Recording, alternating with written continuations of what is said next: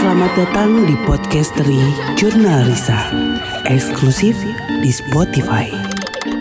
Download Anchor.fm untuk membuat podcast gratis. Assalamualaikum warahmatullahi wabarakatuh. Selamat datang di Podcastery Jurnal Risa. Hari ini tanggal 17 Agustus 2022. Udah rame sekarang. Berbeda dengan dua tahun sebelumnya, karena pandemi yang nggak memungkinkan orang-orang untuk berkreasi, beraktivitas seperti memeriahkan acara uh, ulang tahun kemerdekaan seperti umumnya gitu. Sekarang tuh udah mulai rame, bahkan si Ari pun ikutan karnaval. Saya baru aja nganterin dia karnaval. Seru banget, walaupun masih dengan protokol kesehatan, tapi vibes-nya tuh berbeda gitu, kerasa berbeda. Kalian mungkin akan bertanya-tanya, kalau misalkan kita orang-orang Indonesia merayakan hari ulang tahun kemerdekaan itu kan udah sejak dulu. Kita udah sering ikutan lomba dari kecil, makan kerupuk, terus balap karung, udah gitu main apa lagi ya, bakiak, panjat pinang. Banyak di antara kalian yang bertanya-tanya, ehm, kira-kira kalau lagi ada perlombaan kayak gitu, Peter CS pada ikutan gak teh?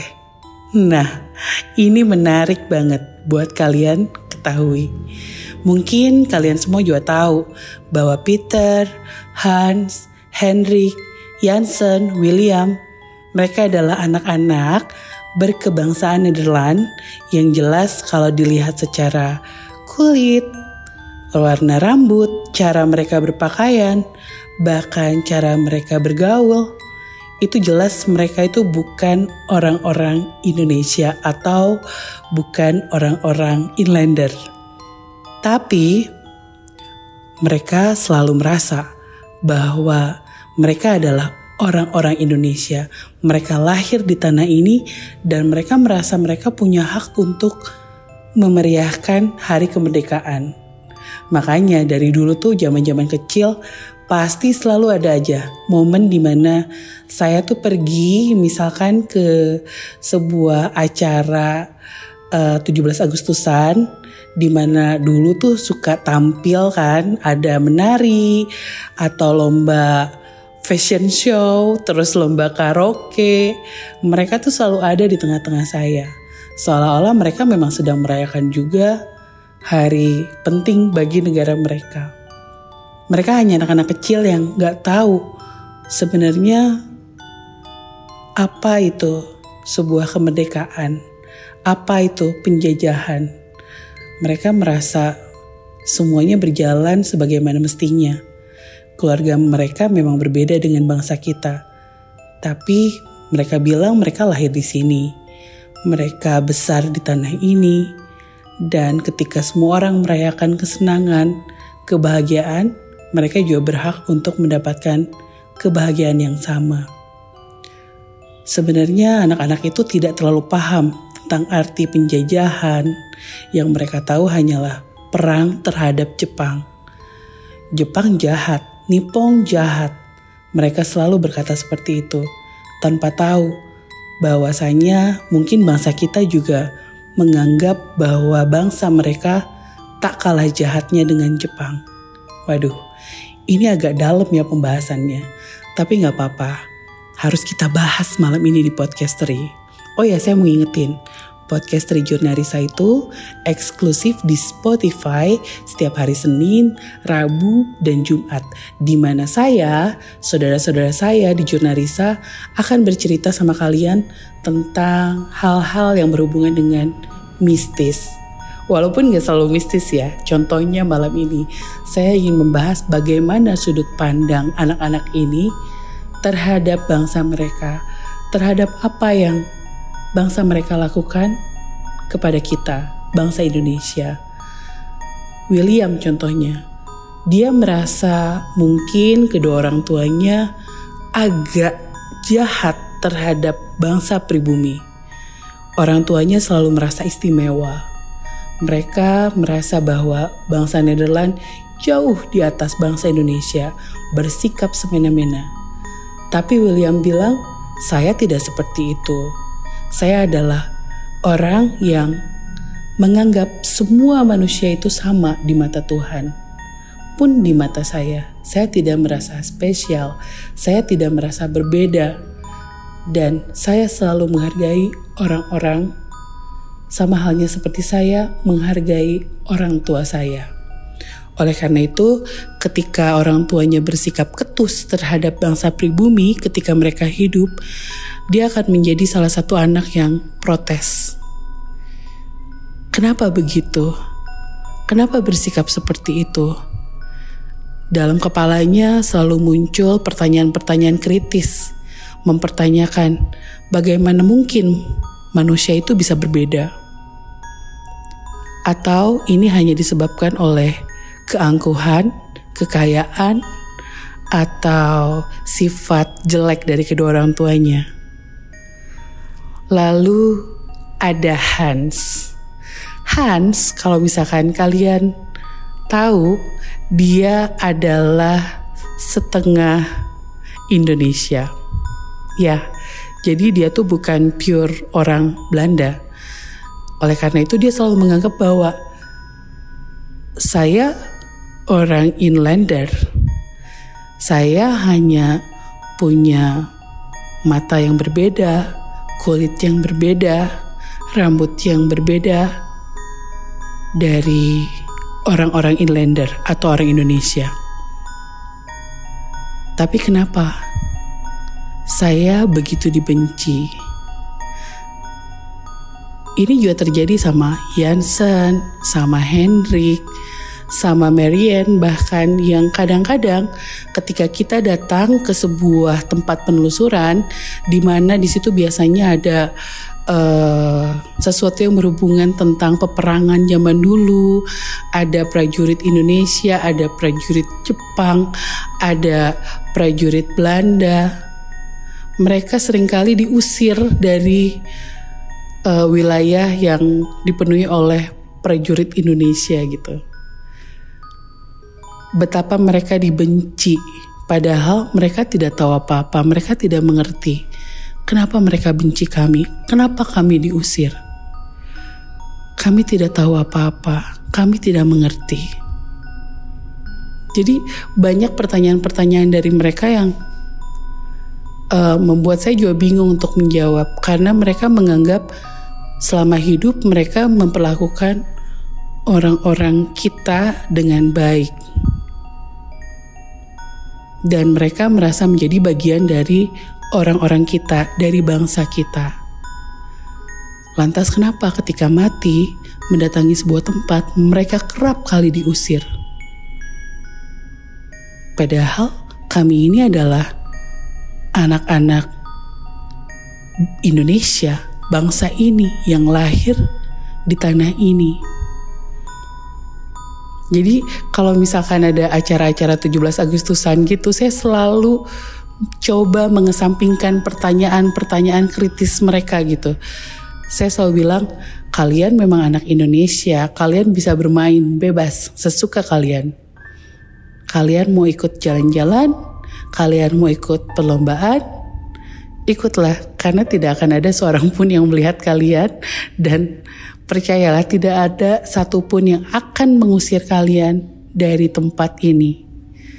Jadi ya dulu-dulu tuh mereka selalu ikut-ikutan walaupun misalkan saya ikut lomba makan kerupuk.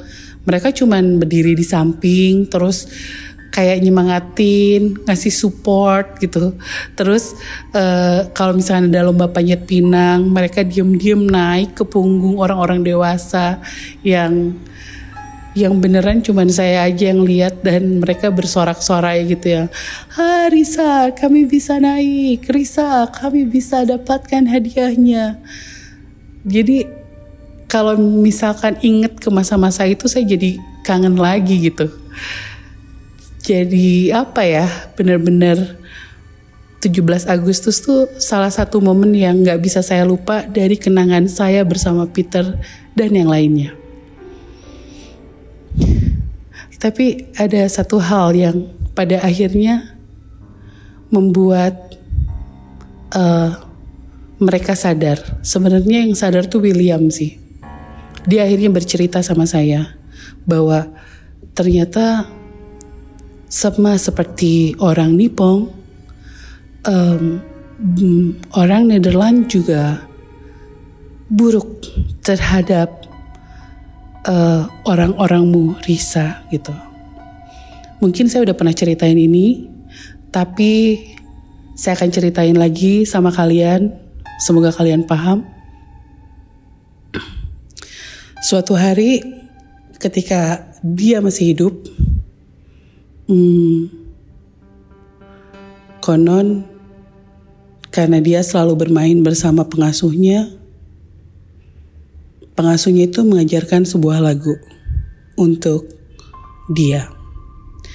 Abite ayena gaduh hiji boneka tekinten saena sareng lucuna. Ini salah satu hal yang mendasari kenapa mereka suka banget sama lagu ini.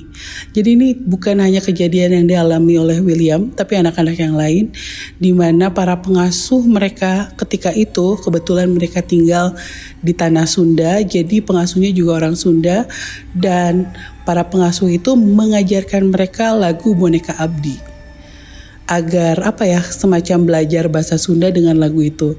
Akhirnya mereka mulai bernyanyi, mereka menyanyikan lagu itu dengan sangat ceria, happy gitu. Akhirnya ada tahu lagu bahasa Sunda yang mereka bisa ingat dan diajarkan oleh para pengasuhnya apa arti dibalik lagu itu gitu. Dan mereka tahu oh ini tentang boneka. Sebenarnya ini lagu tentang untuk anak perempuan tapi nggak apa-apa. Ini adalah lagu kayak dasar untuk belajar bahasa Sunda. Ku abi di erokan Erok nasai pisan. Oleh saya dikasih rok-roknya bagus sekali Lihatlah boneka saya gitu. Itu kan inti lagunya Menceritakan tentang sebuah boneka. Lantas um, Anak-anak itu bertanya pada pengasuhnya Oh bi gitu mungkin ya kurang lebih uh, komunikasi seperti itu. Jadi uh, kamu menyanyikan lagu ini untuk anakmu sambil memainkan boneka. Lantas si pembantunya itu atau pengasihnya itu akan bilang, enggak tuan, tidak. Anak-anak kami tidak punya boneka yang bagus, tidak punya mainan bagus seperti tuan-tuan. Kenapa? Kalau tidak punya boneka, harus dinyanyikan lagu boneka. Lalu sang pengasuh menjawab, ini adalah lagu untuk menghibur anak-anak kami yang tidak punya mainan seperti Tuan, yang tidak bisa makan enak seperti Tuan, yang tidak bisa bersekolah seperti Tuan, yang tidak bisa makan setiap hari seperti Tuan. Lagu ini adalah lagu penghibur untuk anak-anak kami agar tidak terlalu sedih, agar tidak menderita. Dan itu kayak kalimat yang menampar mereka akhirnya kalau ternyata hidup mereka selama ini enak, bahagia, happy tinggal di tanah Pasundan. Tapi bagaimana mungkin anak-anak pengasuh mereka yang seusia dengan mereka tidak mendapatkan hal yang sama seperti mereka. Lalu anak-anak itu akan bertanya, William salah satunya, e, kenapa mereka tidak bisa makan seperti kami? Kenapa mereka tidak bisa main seperti saya? Kenapa mereka hmm, tidak bisa sekolah seperti saya? Dan pengasuhnya menjawab, karena kita berbeda. Dan anak-anak kami tidak dilahirkan seperti Tuhan. Ungkapan dari pengasuhnya itu akhirnya membukakan mata mereka bahwa ternyata lagu boneka abdi ini bukan lagu kebahagiaan seperti yang mereka pikirkan selama ini. Ini adalah lagu kesedihan. Ini adalah sebuah lagu penghiburan. Di mana pada saat itu ketika mereka merasakan bahagia tinggal di tanah kita, hidup dengan layak, mereka merasa tercukupi. Ada anak-anak lain yang ternyata hidup jauh di bawah mereka, tidak mendapatkan hal yang selayaknya mereka dapatkan, dan itu yang terjadi. Hingga pada akhirnya seorang William ini, ketika Jepang akhirnya datang dan meluluh lantakan orang-orang Nederland, orang-orang Belanda, mungkin hanya dia yang mengerti bahwa sebenarnya yang bangsa dia lakukan, bangsa Belanda lakukan terhadap bangsa pribumi juga sama. Karena pada saat Jepang datang, mereka mulai kehilangan segalanya. Mereka mulai kehilangan harapan, mereka mulai kehilangan privilege, mereka nggak punya apa-apa, mereka kekurangan makan, bahkan terpisah satu sama lain, menderita.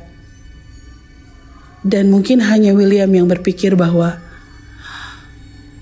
jangan-jangan selama ini orang-orang Nederland juga melakukan hal seperti itu terhadap orang Indonesia. Jadi ketika anak-anak lain mulai berkeluh kesah, menceritakan tentang betapa jahatnya Nipong, William akan menjelaskan bagaimana sebenarnya Nederland terhadap orang-orang pribumi pada saat itu. Sampai akhirnya mereka semua memahami bahwa lagu Boneka Abdi itu adalah lagu kesepian. Dan itu yang mereka ngajarkan kepada saya. Katanya, kalau kamu merasa sepi, nyanyikan lagu itu. Kita akan bersama-sama. Kalau bersama-sama tidak akan sepi lagi. Karena lagu itu ternyata berlaku juga kepada kami. Bukan hanya kepada anak pengasuh kami yang pada saat itu butuh penghiburan. Kami pun butuh dihibur. Lagu itu adalah lagu hiburan untuk kami. Wah ini jadi dalam banget. Tapi memang benar momen 17 Agustus, momen kemerdekaan ini memang sangat erat mengingatkan saya sama mereka. Dan pada saat orang-orang bersuka cita, mereka juga ikut bersuka cita gitu. Saya selalu bilang bahwa kalian tetap bangsa ini, kita akan bersama-sama, kita akan berbahagia, kita rayakan kebahagiaan dan beruntung tahun ini mereka bisa merasakan lagi. Dua tahun kemarin sama seperti semua orang, kita semua kayak hiatus gitu. Nggak merayakan hari kemerdekaan. Hari ini mereka ikut lagi happy banget. Bahkan ikut berjalan bersama Ari ikutan karnaval bayangin. Saya tuh udah kayak jadi ibu mereka sekarang udah bukan kayak teman seusia. Mungkin awalnya dulu teman seusia tapi lama kelamaan jadi sosok ibu buat mereka dan itu yang saya rasain sekarang Cuman kalau melihat mereka, bagaimana mereka kebingungan bersikap, apa yang harus mereka benci, apa yang harus mereka bela. Kita tuh hidup di zaman yang udah jauh lebih enak tau gak sih? Beneran, kalau ngelihat, kalau misalnya kalian diberi kemampuan untuk melihat mereka, melihat masa lalu, melihat sosok-sosok yang kita temui gitu di lokasi syuting benar-benar kita adalah orang-orang yang beruntung. Tapi masih banyak banget kita mengeluh tentang hal-hal yang mungkin sepele gitu.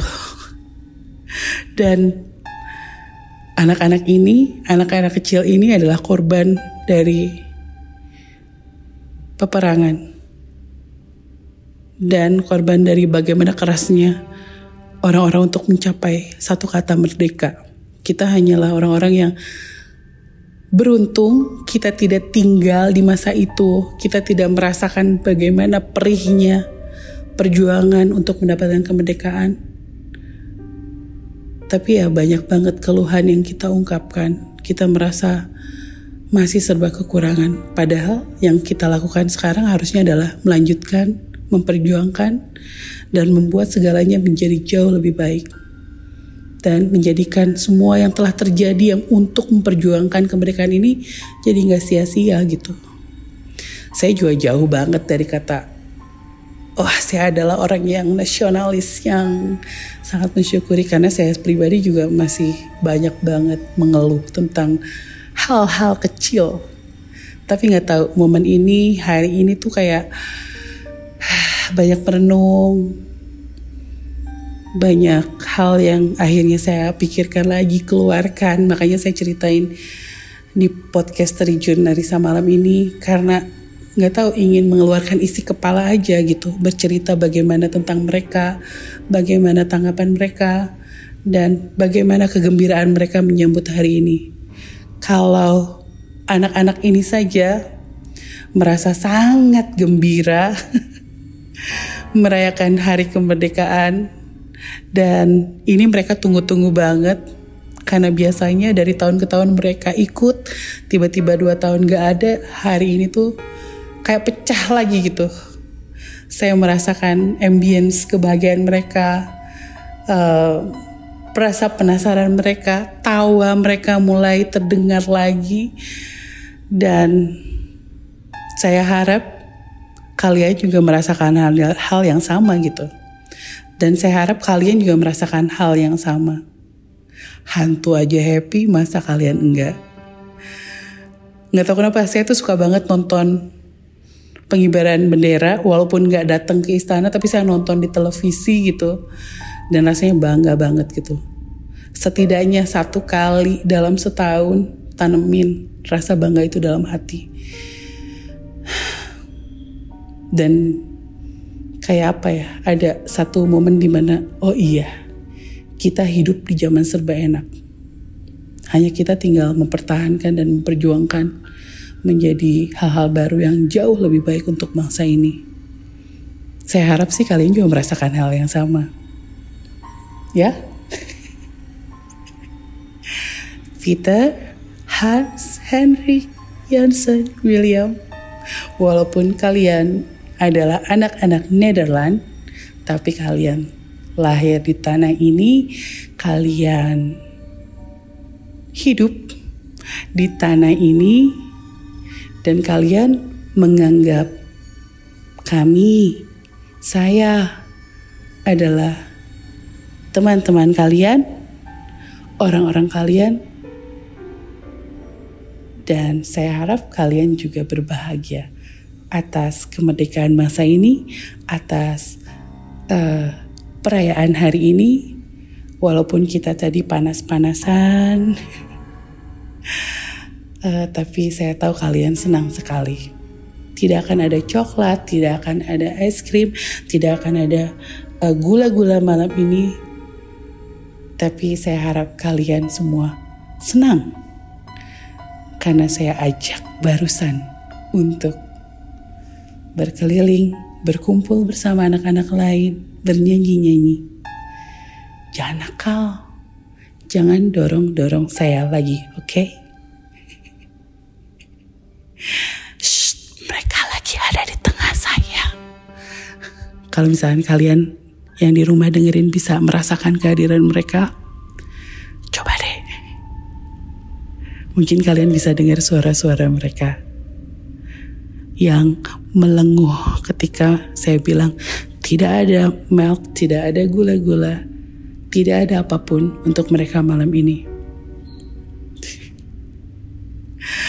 Hah, ya sudah kalau begitu saya jadi ngelantur ke mana-mana tapi mudah-mudahan poinnya kalian dapat. Selamat memperingati Hari Kemerdekaan Republik Indonesia yang ke-77 dari saya, dari rumah ini, dari Juna Risa, dari Peter Hans, Henrik Jansen, dan William. Merdeka. Wassalamualaikum warahmatullahi wabarakatuh. Sampai jumpa di podcast dari Juna Risa selanjutnya. Bye-bye.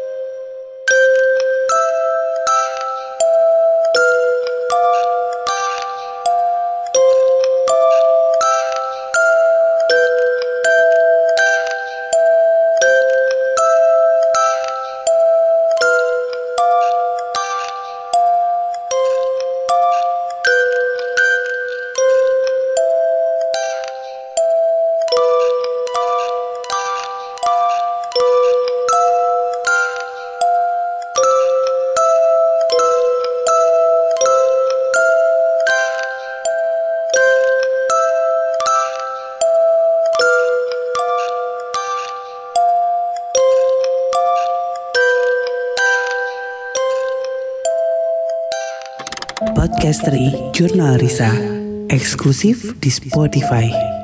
Download Anchor.fm untuk membuat podcast gratis.